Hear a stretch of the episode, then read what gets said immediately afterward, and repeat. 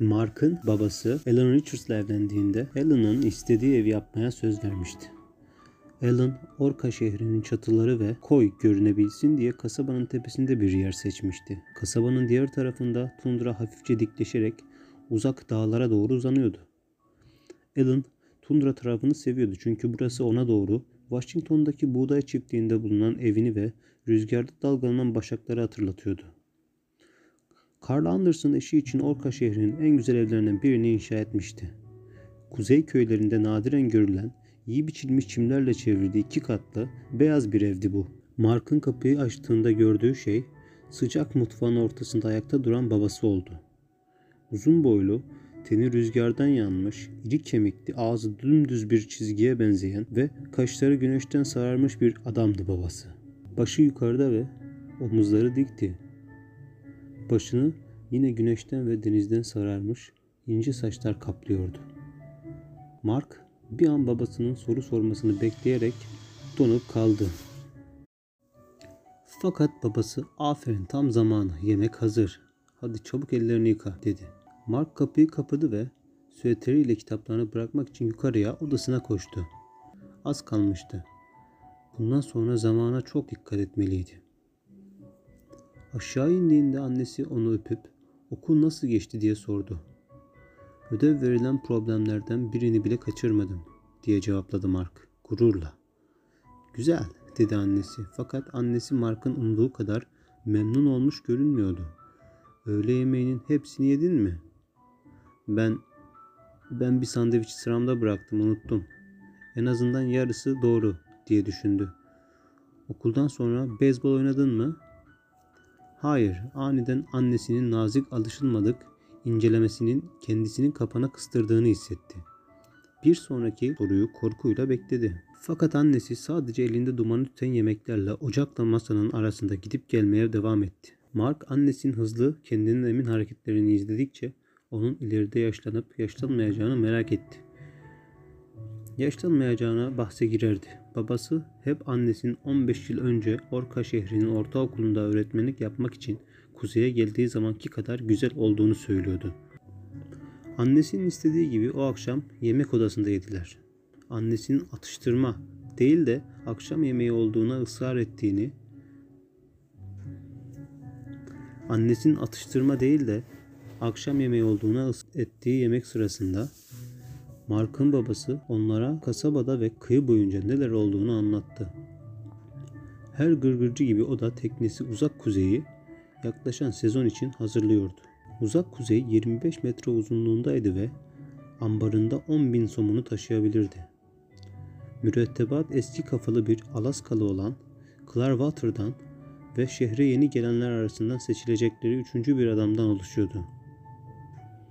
Carl Anderson uzak kuzeyi 4 yıl önce satın almış, son ödemesini o baharda yapmıştı. Ödemeler çok yüklüydü. Mark, ebeveynlerin bunları yapıp yapamayacakları konusunda pek çok kez endişelendiklerini biliyordu. Annesi son ödemenin yapılışı şerefine bir kek pişirip Clarwater'ı yemeğe davet etmişti. Uzak kuzeye kadeh kaldırmışlardı ve babası bir avuç dolusu kağıdı havaya fırlatıp işte burada tamamen bizim. Sırtından 10 tonluk bir yük kalktı. Artık değişiklik olsun diye biraz para kazanabiliriz diye bağırmıştı. Şimdiden 200 aşkın gırgırcı var diyordu babası. Birkaçı bugün Meksika sularından aşağıya indi. Gerçekten avcılık için geçici olarak donatılmış ton balığı yelkenleri vardı. Annesi kendi teknelerinin durumunu sordu. Motorun bakımını önümüzdeki hafta bitireceğiz diye cevapladı Carl memnuniyetle. Clearwater büyük ağın yamanmasını yarın akşama kadar bitirecek. O büyük deniz aslanı geçen yıl saldırdığında o ağı çok kötü parçaladı. Mark onu gelişi güzel dinleyerek yemeğiyle oynadı. Birden babasının iğneleyici sorularıyla kendine geldi. Mark, bugün çarşıya inip şeker mi aldın? Mark şaşkın şaşkın başını kaldırdı. Hayır baba, neden? Yemeğini yemiyorsun. Ben senin yaşındayken tabakları masaya neredeyse çiviyle tutturmaları gerekirdi. Annesi endişeyle galeta ununa bulanmış ve yağda kızarmış istiridye Mark. En sevdiğin yemeklerden biri dedi. Sadece aç değilim gerçekten anne. Babası sarı saçlı başını salladı. Senin yaşın için normal değil. Daha çok yemelisin. Çok zayıfsın. Çok da solgunsun.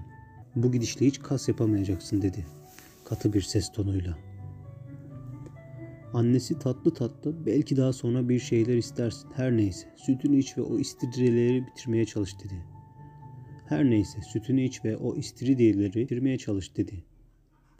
Bir süre sessizlik oldu. Ardından sessizliğin ortasında babası birden bugün Fog Benson'a uğradı ve burada barakada zincirli tuttuğu ayıyı satmaya teklif etti. 100 dolar istiyor dedi. Neden satmak istiyormuş diye sordu Alan. Botunu tamir etmek için paraya ihtiyacı var. Her zamanki gibi beş parası yok. Ayrıca ayıdan korkmaya başladığını hissediyorum. Artık çok büyük olduğu için hayvanı çarşıdaki barlara götüremiyor. Fogg onunla başa çıkamaz. Ayılar dışarıda gezemeyecek kadar tehlikelidirler. Bu yüzden onu vurmaktansa becerebilirse ondan biraz para kazanacak. Bu akşam ayı üzerine bileti 5 dolardan piyango çekeceğini duydum. Kazanan ayıyı tundraya götürüp serbest bırakarak hedef alıştırması olarak kullanabilecek. Bu düpedüz zalimlik dedi Elan öfkeyle. Kasaba buna bir son vermeli. Pek ilgilenen yok gibi her neyse. Fogg'un başı dertte. Hayvanat bahçesi dışında kim bir ayı almak ister ki? Mark'ın kalbi babasının ilk kelimeleriyle birlikte hızla atmaya başlamıştı çoktan. Ben'in vurulmasından bahsetmesi çok fazlaydı. Babası dediklerine inanmıyormuş gibi konuşana kadar zihnine akın eden düşünceleri yüksek sesle dile getirdiğini fark etmedi bile. Ayı senin için mi alayım? Onu sen mi istiyorsun? Mark babasının korkutucu mavi renkli gözlerine baktı ve şaşkınlığı karşısında çatalını düşürdü. Carl Anderson masaya doğru eğilmişti. Gözleri Mark'ı delip geçiyordu. Sen ciddi misin? Fogg Benson ayısını mı istiyorsun? Neden bahsettiğinin farkında mısın? Mark babasına bakmaya korkuyordu. Gözleri Kolombiya buzulu kadar soğuk olabilirdi. Geniş alnı, uzun çeneli, soğuktan yanmış yüzü doğrudan ona bakıyordu. Fakat Mark bu kadar ileri gittiğine göre artık sözüne devam etmekten başka çaresi olmadığını fark etti. Babasının delici bakışlarına karşılık vermek için gözlerini bir anlığına kaldırdı ve hemen ardından tekrar tabağına baktı. Biliyorum fakat ben sadece ben onu istiyorum baba diye mırıldandı işler acısı bir halde. Carl Anderson küçük oğlunu bir süre inceledi. Ardından Mark'ın annesine baktı ve garip bir şekilde sessizce o ciddi, gerçek bir ayı istiyor, anlayamıyorum dedi. Annesi masanın etrafında dolaştı ve kollarını Mark'a doladı. Birkaç hafta önce ne olduğunu babana anlatsana. Mark, annesinin usulca gülümseyen yüzüne bakıp, anne sen biliyor muydun? diye sordu hayretle. Her gün eve kıyafetlerinle ayı tüyüyle geç gelebileceğini ve benim bunu tahmin edemeyeceğimi mi düşündün? Şimdi anlat bakalım babana. Ne anlatacak bana, neler oluyor diye sordu babası. Annesinin kollarından cesaret alan Mark telaş içinde konuşmaya başladı. Bir gece okuldan eve geliyordum ve ben oradaydım. Zincirini sürükleyerek patikadan bana doğru bir ayı geliyordu. Kilidini kırıp serbest kalmıştı. Korkmadın mı? diye sordu annesi. Şaşkınlıkla benden mi diye karşılık verdi Mark. Devam et, devam et dedi babası sabırsızca. Ben, ben onu bırakmaya geri götürüp bağladım diye bitirdi Mark uysalca. Babası kocaman ellerini dizlerine vurdu ve bağırcasına böyle mi yani diye patladı. Ayıyla burun buruna geldiğine, zincirini yakalayıp onu geri götürdüğüne ve tekrar bağlandığına böyle mi yani diye patladı. Ayıyla burun buruna geldiğine, zincirini yakalayıp onu geri döndürdüğüne ve tekrar bağladığına inanmamı mı bekliyorsun? 5 yaşında yarı yetişkin ya da büyük bir boz ayıdan bahsediyoruz. Aslında önce onu biraz sevdim. Kulaklarını kaşıdım ve çenesinin altına okşadım. Vay canına diye bağırdı babası. Vay canına. Bu duyduğum en saçma şey. Mark'ın annesine suçlar gibi baktı. Bunu başından beri biliyor muydun? Sayılır diyen annesi parmaklarını Mark'ın düz saçlarının arasından geçirdi. Bayan Miller, Mark'ın beni kaçtığı gün barakaya geri götürdüğünü görmüş. Bana anlatman gerekirdi. Böylesine vahşi bir hayvanla dolaşmak aman tanrım. Elan, Mark'ın hala hayatta olması bir mucize. Sen ve Clarwater tekneyle çok meşguldünüz. Ayrıca ben onları her gün izledim. Nasıl diye sordu Mark. Seni hiç görmedim anne. Barakanın arka tarafına bakmadın. Her gün beni çözdün. Kapı ağzına oturup hiç dokunmadığın öğle yemeğinle onu besledin. Kocasına baktı. İlk birkaç seferinde endişelendim. Bu yüzden yanına tüfeği de aldım. Sonra fark ettim ki aslında endişelenecek hiçbir şey yokmuş. Endişelenecek hiçbir şey yokmuş diye bağırdı babası ve sandalyesine geri itti. Boz ayının ne olduğunu biliyor musun? Tabii ki diye cevapladı karısı. Mark şaşkınlıkla annesine bakıyordu. Zarif, ince yapılı vücudunun, parlak bakımlı siyah saçlarının ve hafif bronz, güzel yüzünün yumuşak bir görünüşü vardı. Fakat kocasına karşı koyarken hiç de yumuşak görünmüyordu. Annesi babasının öfkesi karşısında nasıl bu kadar sakin ve kendinden emin durabiliyordu? Bir bozayı diye alıntı yaptı. Kuzey Amerika'daki en tehlikeli, en iri, en büyük av hayvanıdır. Dünyadaki en büyük ötebur hayvandır. Milyonlarca yıl önce Asya'dan ve Rusya'dan göç etmiş devasa tembel hayvanlar, kılıç dişli kaplan gibi buz devrinin şahane tüylü memelilerinden yaşayan son temsilcileridir. Doğrudan efsanevi Sibirya mağarası ayısının soyundan gelir. Çok güzel dedi babası alayla. Fakat aynı zamanda dünyanın en sağ solu belli olmayan hayvanı olduğunu unuttun. Bu insanların uydurması. Onlarla karşılaşmış olan herkes böyle düşünüyor. Senin neyin var Alan? 15 yıldır burada yaşıyorsun. Sen daha iyi biliyorsun. Ayrıca Mark'ın annesisin. Olayın tehlikesinin farkında değil misin? Annesinin yüzü ciddileşti. Mark'a yemeğini bitirdiysen sen odana çıkıp ödevlerini yapsana dedi. Mark annesinin o akşamın cuma akşamı olduğunu ve şimdiye kadar cumartesi akşamından önce hiç ödev yapmadığını söyleyebilirdi fakat annesiyle babası arasındaki gerginlik ve babasının patlamaya hazır öfkesi onu korkutuyordu. Kurtulduğuna memnundu. Babasına bakmadan sandalyesini çekti ve odadan çıkıp merdivenlere koştu. Kapalı kapıya yaslandı. Tüm vücudu titriyor ve kalbi küt küt atıyordu. Her şey nasıl bu kadar hızlı olmuştu? Bir an her şey iyiydi. Annesiyle babası mutluydu. Gülümsüyorlardı. Ailenin yakınlığı odayı ısıtıyordu. Sonra birden babasının öfkeli, suçlayıcı sesi duyulmuştu. Buna neden olan tabii ki beni istediğine dair söyledikleriydi. Keşke ağzından kaçırmasaydı fakat bir yandan da buna memnun olmuştu. Yakalanma korkusundan sonunda kurtulmuştu. Babasının bu kadar sinirleneceğini düşünmemişti. Aşağıda ben ve onun hakkında konuşuyor olabilirlerdi. Keşke ne konuştuklarını bilebilseydi. Aklına koridorun zeminindeki vana geldi. Birkaç yıl önce babası kışın alt kattaki sıcaklık üst kata çıksın diye bunu kurmuştu. Kapıyı hafifçe açıp koridorda süründü. Metal ızgaranın yanında karnının üzerine uzandı. Yemek odası tam altındaydı. Babasının sarı saçlı başı bir yanda, annesinin yumuşak siyah saçlı başı diğer yandaydı. Seslerini açıkça duyabiliyordu. Annesi alçak fakat ciddi bir sesle sana söylemediğim bir şey var Karl dedi. Eminim vardır diye cevapladı babası. Evcil ayıdan bahsetmiyorum. Babası bir süre bir şey söylemedi. Fakat cevap verdiğinde sesi öfkeli çıkmıyordu. Pekala neymiş diye sordu. Mark annesinin ince ellerinin masanın üzerine birbirine kenetlendiğini görebiliyordu. Jamie olanları hatırlıyor musun? Nasıl unutabilirim ki? diye karşılık verdi babası usulca. Bir kolunu masanın üzerine uzattı ve Alan'ın birbirine kenetlenmiş ellerini kendi büyük esmer eliyle kavradı. Bu yüzden Mark'ın etrafında bu ayıyla gezmesini istemiyorum. Bize kalan tek şey o. Annesinin sesi incinmiş ve korkmuş gibiydi. Çok zayıf o. O pek yemek yemiyor. Sadece oturuyor ve hiçbir şey yapmıyor. Direnci hiç yok. Ayrıca çok solgun. Büyüme çağında diye sakinleştirdi onu babası. Tüm erkek çocuklar bunu yaşarlar.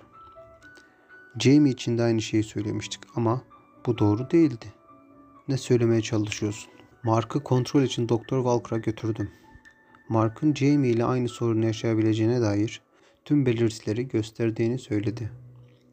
Verem yani? diyen babası öfkeyle arkasına yaslandı. İnanamıyorum. Walker kusursuz bir doktor değil. Yanılıyor olabilir. Karalar bağlamayı pek sever. Çocuk büyüme çağında diyorum sana. Bağırırcasına konuşuyordu. Walker sadece bir kereliğine bile olsa ümit verici ve neşelendirici bir şey söyleyemez mi? Mark'ın annesi sabırla belirtiler gösteriyor dedi diye cevapladı. Mark mikroba maruz kaldı biliyorsun. Fakat şu an Mark'ta mikrop yok. Eğer onu direnç kazanacak şekilde geliştirebilirsek iyi olacak. Jamie'de böyle bir şansımız yoktu. Mark kendisi hakkında konuşmayı umursamıyordu. Önemli olan ben hakkında ne söyleyecekleriydi. Babası yeniden konuşuyordu. Pekala neye ihtiyacı varmış? Bol bol egzersize, iştahın açılması için açık havada onu güçlendirecek hareketler yapması, sağlıklı gıdalar tüketmesi ve güzelce dinlenmesi gerekiyormuş. Ve bundan kolayı ne var? Çok zor dedi annesi. Bir düşün. Mark'ın oynayacak kimi var? Küçük bir okula gidiyor. Mark'ın boyundaki çocuklar ondan küçükler ve birkaç sınıf aşağıdalar. Onlarla ortak hiçbir şey yok.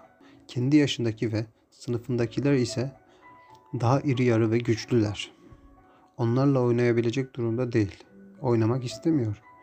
İçeride kalıp kitap okumayı ya da bir yerlere uzanıp hiçbir şey yapmamayı tercih ediyor.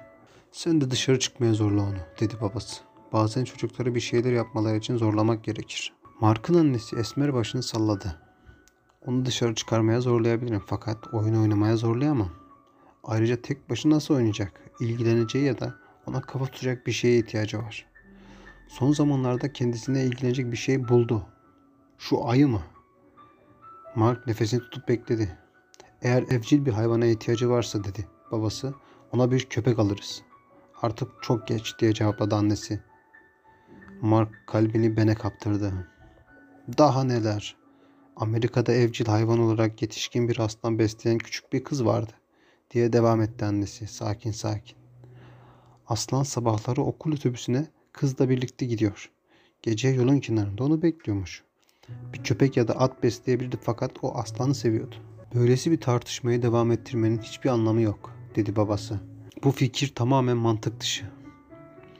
Bir zamanlar evcil bir fokun olduğunu söylemiştin. Burada binlerce yavru fok ve köpek görmüşsündür.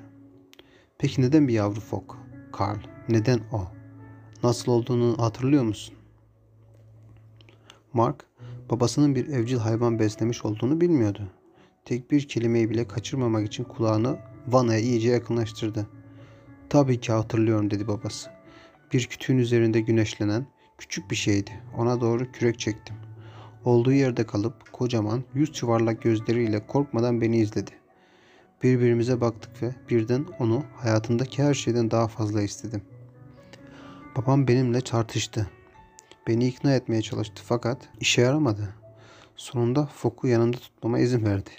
50 kiloluk ve herkesi rahatsız edene kadar benimleydi.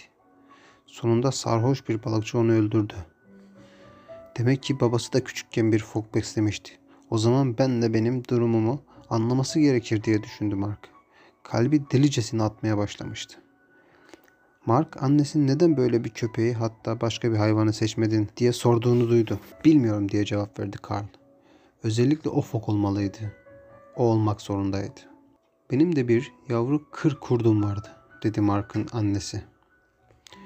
Evcil hayvanlarla dolu bir çiftliğimiz varken neden kırdaki o küçük kirli boduru seçtim bilmiyorum. Sadece bazen insanlar ve hayvanlar arasında bir şeylerin olduğunu biliyorum.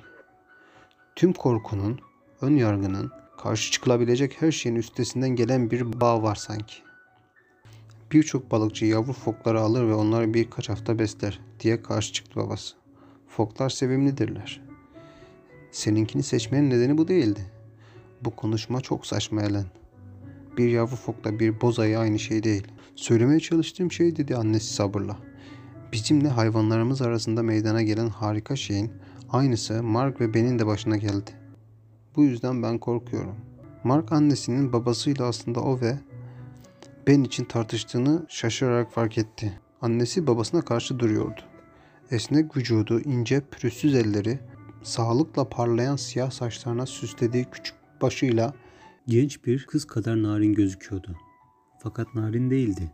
Babasının bir keresinde dediği gibi aslında Alan balina kemiği kadar sertti. Babasına karşı durabilse belki diye düşündü. Mark delicesine ah belki. Nasıl bu kadar emin olabiliyorsun diye sordu babasının sesi. İki hafta boyunca onları izledim. Pekala dedi babasının tekrar sıkılmış sesi. Varsayalım ki sen haklısın. Bir an için ben iğrençleşse ve pençesini Mark'a şöyle bir vursa ne olur biliyor musun? Bu ihtimali ben de düşündüm dedi annesi sakince. Fakat kendime şu an yaptığım şeyin ne olduğunu sorup duruyorum. Jamie'yi kurtarmak için şansımız olsaydı bunu dener miydim? Denerdim. Bu ikisinin iyi anlaştığına ve hiçbir şey olmayacağına dair bir çeşit anlaşılmaz bir his yüzünden Mark'ın hayatını tehlikeye atmak mı istiyorsun? Annesi kendinden emin bir şekilde bu ne sadece bir his ne de anlaşılmaz bir şey dedi. Biliyorum. Bu fikrin ne kadar vahşi olduğunu da biliyorum. İlk başta düşündüğümde benim de telaşlanmama neden oldu. Bu düşünceye alışmam günlerimi aldı. Fakat bir şey yapmamız gerekiyor. Ve bunu hemen yapmalıyız. Amerika'da büyük bir şehirde olsaydık alabileceğimiz bir sürü önlemimiz olurdu. Fakat Amerika'da değiliz. Alaska topraklarındayız. En yakın büyük şehir 6000 kilometre mesafede. Elimizdekilerle bunu yapmak zorundayız. Bir ayı edinmenin ne faydası olacak ki? Mark onu çok istiyor. Ben onun dışarı çıkıp çalışması için teşvik edici olabilir. Doktor Walker çok fazla açık hava egzersizi demişti. Benin bakımı için yeterince egzersiz yapmak zorunda olacak. Bene yatacak yer yapmak için bir sürü ot kesip kurutması ve barakayı temiz tutması gerekecek. Benin yiyeceği, balığı ve ona verdiği diğer her şeyi kazanmak zorunda olacak. Görmüyor musun Mark'ın sağlığını kazanmasını sağlayabilecek tüm zorlukları buna ekleyebiliriz. Tüm bunları kolayca yapabilirim diye düşündü Mark. Umudunu annesinin söyledikleriyle artırmaya başlamıştı. Bundan çok daha fazlasını yapabilirim dedi kendi kendine. Babası, hepsini hesapladın değil mi? Jamie olanlar yüzünden bir endişe fırtınası yaratmadığımızdan emin misin? diye sordu. Jamie benim tehlike sinyallerine karşı tetikte olmamı sağladı. Bu sinyaller şimdi Mark'ta görüyordu. Sen görmüyor musun? Babası başıyla onayladı. Sanırım bunu kabul etmek istemedim. Ayağa kalktı. Masanın etrafını dolaşıp ellerini Ellen'ın omuzlarına koydu. Sesi anlayışlıydı. Bu şimdiye kadar duyduğum en çılgınca fikir. Açıklama şeklinle mantıklı görünüyor fakat Ellen. Mantıklı değil. Bir boz ayıyla olmaz. Boz ayılar tarafından yaralanan en az iki kişi duydum. Ve öldürdükleri bir kişiyi de gördüm. Hoş bir görüntü değildi. Köpekler de insanları oldukça kötü yaralıyorlar dedi. Fakat bütün köpekleri bu suçlu yapmaz. Belki ben ön yargılıyım fakat bu yanan bir gemiden atlayıp yüzememeye benziyor biraz. Bu durumda değil diye cevapladı hemen annesi. Benim de bu fikre alışmak için senin gibi uzun zamanım olsaydı düşüncemde bir değişiklik olabilirdi fakat Ellen ellerini çekti ve dolaptaki paltosuna doğru döndü. Neredeyse her şeyi yapmaya hazırım. Bir şeyler yapacağız da yarın bu konuyu tekrar konuşuruz. Fakat şimdi tekneye gitmem gerekiyor. Zamanın düşüncelerini gerçekten değiştireceğine inanıyor musun? Mark babasının paltosunu giydiğini duyabiliyordu. Hayır dedi sonunda. Pek sanmıyorum. Kapıyı arkasından sıkıca kapatarak dışarı çıktı. Mark vanadan yavaş uzaklaştı ve parmak ucuna dikkatlice odasına gidip kapıyı kapadı. Bir dakika önce çok fazla olan umudu şimdi yerle bir olmuştu. Babasının ses tonundan ve kapıyı kapatışından fikrini hiçbir zaman değiştiremeyeceğini anlayabiliyordu. Benin sahibi olma hayalleri sonsuza kadar yok olmuştu aslında. O an bununla ilk defa yüzleşiyordu. Bu daima bir hayalden ibaretti. Asla gerçekleşmeyeceğini bilmesi gerekirdi. Yarın ya da bir sonraki gün beni dışarı çıkaracak ve 5 dolarlık biletiyle güvenilir bir ayıyı vurma hakkı kazanmış olan bir avcı tarafından vurulacaktı.